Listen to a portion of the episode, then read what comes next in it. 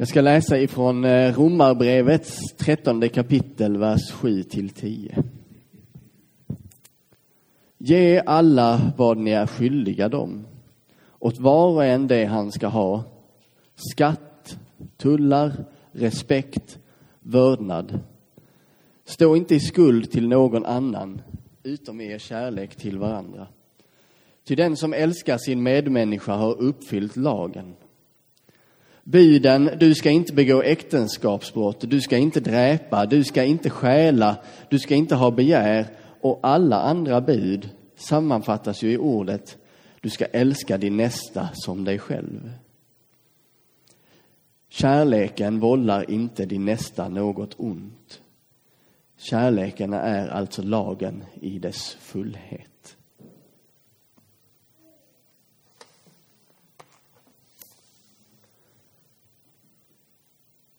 Vi har en fråga direkt från början. I Romarbrevet kapitel 13, vers 7 till 10. Det är det bästa pastorn vet. Spontana frågor i predikan. Och jag är faktiskt inte ironisk nu. Det är jättespännande. Eh, det är, annan sak som det bästa pastorn vet är när församlingsmedlemmarna antecknar under predikan. Då kan jag få höra sen i efterhand. Vad härligt. Det spelas in också så man kan lyssna i efterhand. Bra poäng där Palmis. Tack. Alltså, söndagarna under hösten. Jag vet att många tycker hösten är vacker och sådär, men jag, jag, jag, tycker alltid hösten är lite, det, det är lite tungt för det liksom blir mörkare hela tiden. Visst, när solen skiner då ser man de vackra färgerna, men annars är hösten lite så här, det är inte riktigt min favoritårstid. Lite så är det med texterna för kyrkoåret också på hösten. Det är lite, ibland lite ja, sådär knepiga texter och ibland lite knepiga teman. Och idag är ju temat samhällsansvar. Kan det vara så att det är det torraste temat på hela kyrkoåret? Samhälls... Jag, liksom, jag, jag vet liksom, när, i september där, nu kommer den snart. Samhällsansvar. Vad ska jag säga på temat samhällsansvar? Det är ju dessutom lite svårdefinierat, tänker jag. Vad har egentligen samhällsansvar med evangeliet att göra? Ett hårt och kanske lite tråkigt tema, men egentligen något som kyrkan under stora delen av vår historia har tagit på väldigt stort allvar. Kanske lite för stort allvar många gånger. Kyrkan tog det på så stort allvar att, att, till, till att människorna i samhället fick säga ifrån att nej, nu vill vi inte mer. Nu får kyrkan backa. Man kan säga att det var så reformationen kom fram på 1500-talet. Den katolska kyrkan hade blivit så kontrollerande och styrande i samhället att folket gjorde uppror och försökte reformera kyrkan. Så var det ju även vid nästa reformerande tidpunkt. Det vill säga i mitten på 1800-talet, starten för våra frikyrkosamfund här i Sverige. Och då den här församlingen bildades 1861. Då gjorde man också uppror mot den statskontrollerande kyrkan och drev fram tanken om fri läsning och fri tolkning och även om demokrati. Och nu lever vi i en ny reformerande tid för kyrkan. En tid där vi gjort upp med kyrkans kontrollerande om vad människor får och inte får göra. Det som vi ibland har kallat syndakatalogen. Där vi drev det så långt att ingen vågade göra någonting. Och nu har vi nästan drivit det så långt att ingen varken vågar eller vill prata om synd längre. Vi kan ju råka stöta oss med någon. Men riskerar vi att förlora något på vägen i vår reformationsiver så att vi som kyrka tappar vårt sätt att vara relevant, vårt sätt att ta ansvar, vårt sätt att visa samhällsansvar.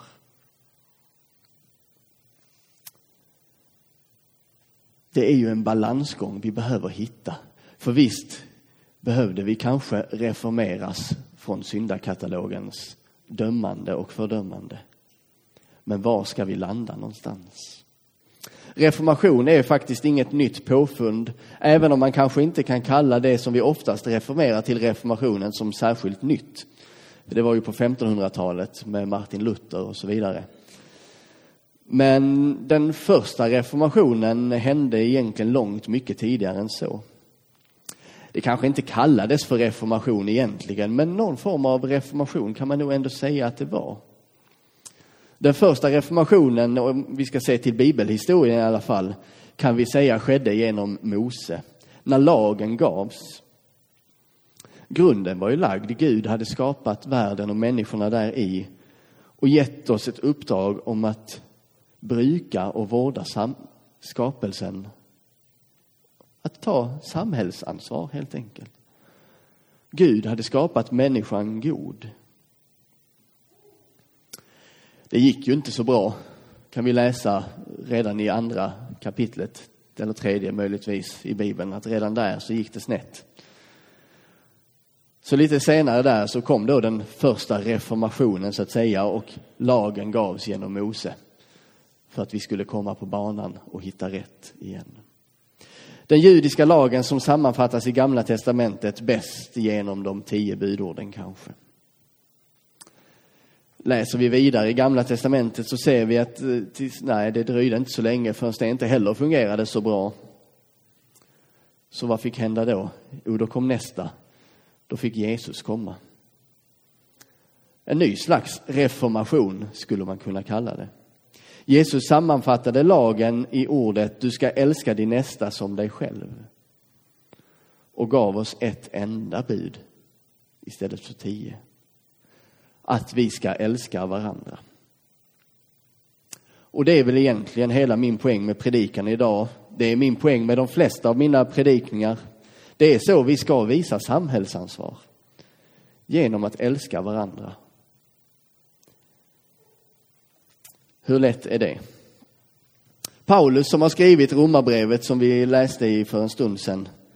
Han försökte förklara hur vi ska leva och göra och vara mot varandra för att uppfylla detta enda bud att vi ska älska varandra. Eller ja, kanske inte vi då egentligen, för det är ju inte Paulus, han är ju inte direkt medveten om att han sitter och skriver Bibeln.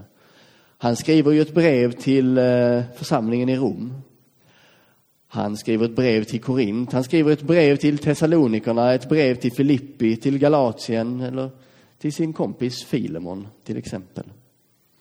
Där han försöker tillämpa detta enda bud i förhållande till deras frågor i deras tid. Men detta kan vi lära av. Genom att läsa Bibeln och studera den så kan vi lära av vad andra har fått vara med om om deras upplevelse och deras sökande efter Gud. Deras erfarenheter av att försöka hålla detta enda bud. Vi ska älska varandra. Men som de flesta gånger genom historien, när vi har fått någonting bra av Gud att förhålla oss till, så lyckas vi människor alltid på något sätt vrida det till något som är mindre bra. Man kan undra varför. Vi tar liksom makten över det. Vi lägger in vår egen vilja istället för Guds vilja. Vi blir sämre på att ta samhällsansvar på riktigt. Kyrkan har i alla tider lyckats använda Bibeln och tron och använda Gud för att kontrollera varandra och bestämma vem som passar in var och när och hur vi ska vara i kyrkan. Vi börjar döma varandra. Ett resultat av detta var ju den här eh, syndakatalogen som jag talade om. Där vi trodde att om vi förbjöd allt som kunde tänkas leda till något dåligt och kallade det synd och alla som gjorde det kallade syndare och blev liksom lite utdömda. Att om vi gjorde det så skulle vi hjälpa människan att komma rätt. Det gick inte vidare bra det heller. Jag läste en artikel i Dagen häromdagen. Det var ett debattinlägg Där skribenten menade att allt det som syndakatalogen varnade för egentligen fortfarande är lika aktuellt idag. Det som man sa var dåligt då, det är ju inte bättre nu egentligen att göra. Först så avfärdade jag det artikeln lite som ett konservativt inlägg av någon som tyckte att livet var bättre förr när det var lite mer ordning och reda. Kanske det var, vem vet. Mycket var bättre förr, men det är mycket som är bättre nu också, tycker jag. Men att det var ett sånt här inlägg där med kyrkan var mer tydlig förr. Och till viss del kanske jag kan hålla med. Även om jag personligen inte är så intresserad av den typ av kyrka som rådde då. Men det fanns ändå någon slags tydlighet som vi ibland saknar. Då vi fortfarande är inne i någon slags nyorientering om hur vi ska predika vårt kristna budskap på ett modernt sätt i en modernare tid som förändras allt snabbare, men som ändå är relevant och tydlig. Hur som helst så fanns det faktiskt en poäng i den där artikeln om syndakatalogen. För även om lösningen kanske inte är förbud mot allt det som var dåligt, så listade den många saker som vi vet inte är bra för oss. Även om syndakatalogen kanske gjorde det på fel sätt ibland. Det var ju till exempel förbjudet att dansa. En del av er som är äldre kanske minns det, att dans var ju inte något som man uppmuntrade till särskilt mycket.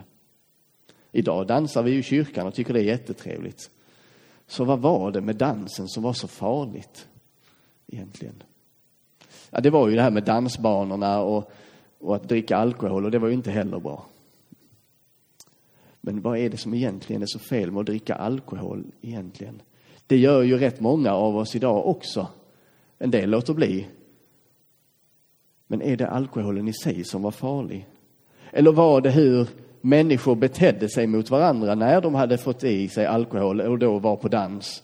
Att det var miljöer som inte var bra för människor. Vi kan ta det här om sex också till exempel. Det fick man ju inte ha. Det var förbjudet. Men vad var det man egentligen ville komma åt? Det var lätt att lista upp saker som var förbjudet, men man tappade bort egentligen varför. När jag undervisar ungdomar och konfirmander om sex så kan jag ju komma och säga att nej, ni ska inte ha det. Men jag, då slår de dövöra till, för så ser inte tiden och samhället ut. Och jag kan försöka vara tydlig och relevant på det sättet. Men jag försöker snarare hitta en ingång. Vad är det som är grejen med det här? Jo, men det är att vi ska vara rädda om varandra. Att vi ska vara försiktiga med vår egen kropp och vara försiktiga med något av det finaste vi har. Och kanske inte ge bort det hur som helst. Där vi riskerar att bli sårade eller såra andra och så vidare. Det handlar om kärlek. Men vi har en tendens att krångla till det för varandra. Vi har en tendens att krångla till det för oss själva.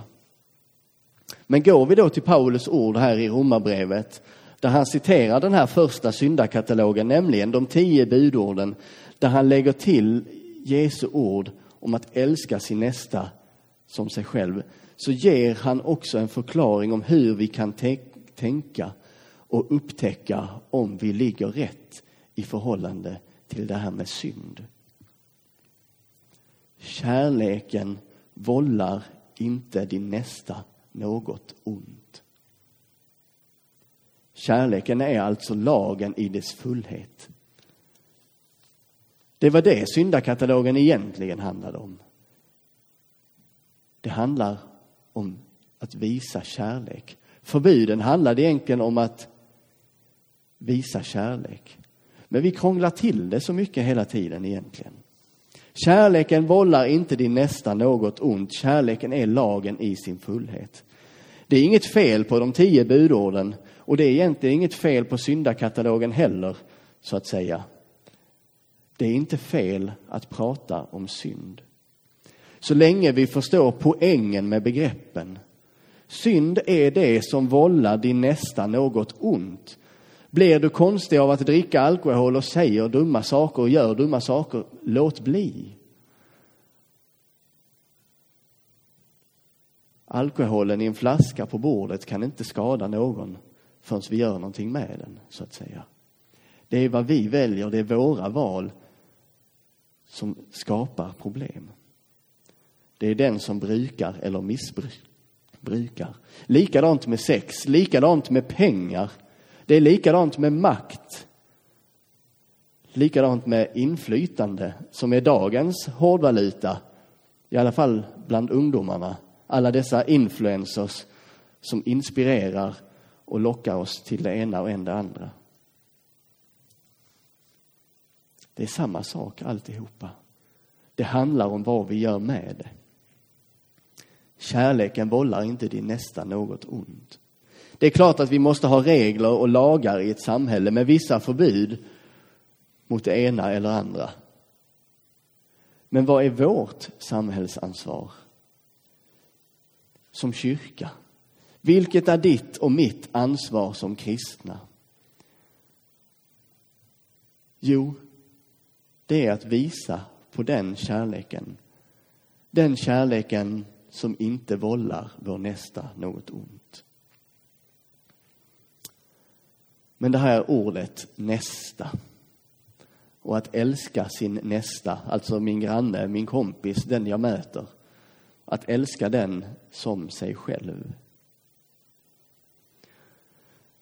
Jag tror den största svårigheten med det är just det här med, med själv. Vi ska älska dem som vi älskar oss själva. Vi är alldeles för många som inte älskar oss själva tillräckligt. Hur ska vi kunna älska vår nästa som oss själva om vi knappt älskar oss själva ibland? Och då menar jag inte den här kulturen där vi har att satsa på sig själv och sådär. Det är mest lite plåster på såren när vi går vilsna i vad det faktiskt handlar om att älska sig själv. Vi lever i en ganska vilsen värld där vi alla går vilsna många gånger och sitter fast i ekorrhjul, tror att vi måste uppnå vissa saker och att vi blir lyckliga om vi bara uppnår det där också.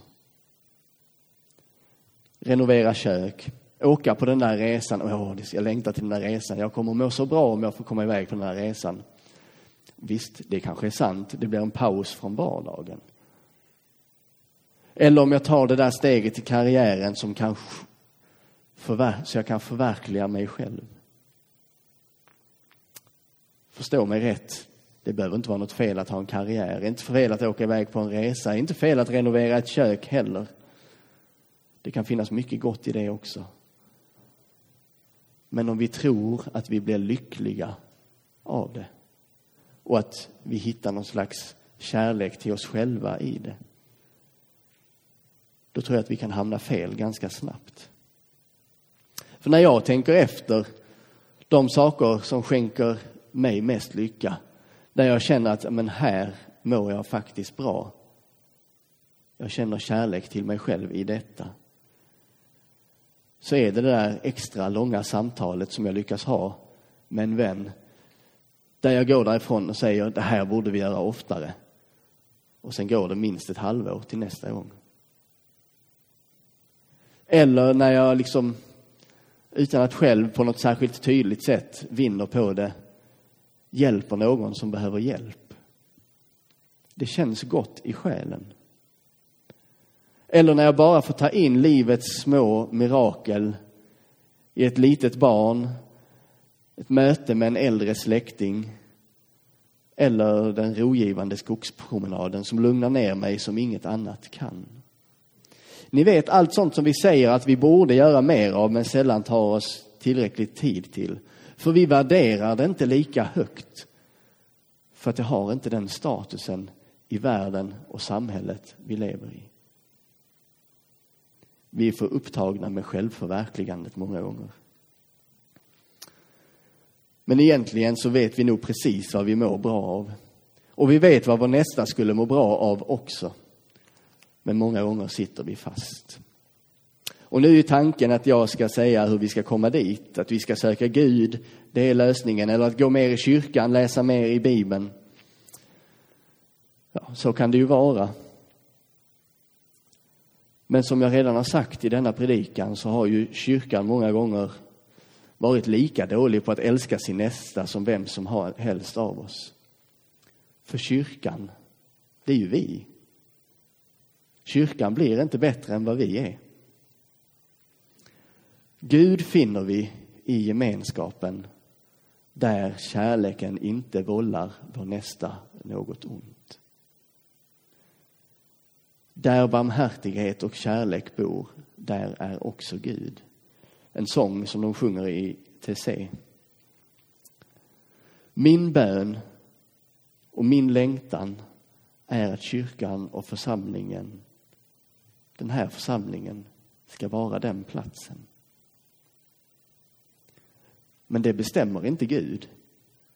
Det är inte per automatik den platsen för att vi kallar den kyrka och en kristen församling. Det är du och jag som genom att älska Gud, älska oss själva och älska varandra som vi skapar den platsen.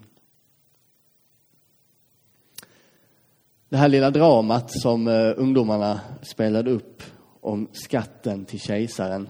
Där vill Jesus berätta att vi är inte skyldiga den här världen något som den här världen kan erbjuda. Vi behöver inte hoppa på allt det där andra. Vi kan leva i det ändå. Paulus förtydligar detta genom att säga att vi ska inte stå i skuld till varandra i någonting utom i kärlek. Eftersom Gud är kärlek är det endast genom att älska vi kan möta, leva och vara i Gud. Det är kanske lite klyschigt och ni kommer kanske tröttna på det, men jag kommer att predika kärlek om och om igen. Tills både ni och kanske särskilt jag på riktigt förstår och lever efter det. Sen kommer jag nog göra det lite till. För om historien lär oss någonting så är det att vi människor, vi glömmer fort. Det behöver inte ens gå en generation. Det räcker med några år. Ibland några månader, ibland några veckor. Och ibland så går vi på gudstjänst och sen misslyckas vi igen på eftermiddagen. Så är livet. Men det är därför vi har Jesus, eller hur? Då får vi komma, vi får be om förlåtelse och vi får börja om igen. Igen och igen och igen och igen. Älska din nästa som dig själv. Glöm inte bort dig själv. Gå inte vilse i vad det faktiskt innebär att älska sig själv. Det kan man göra genom att också älska någon annan. Men älskar vi oss själva så blir det också lättare att älska din nästa. Då blir det också lättare att älska Gud. Amen.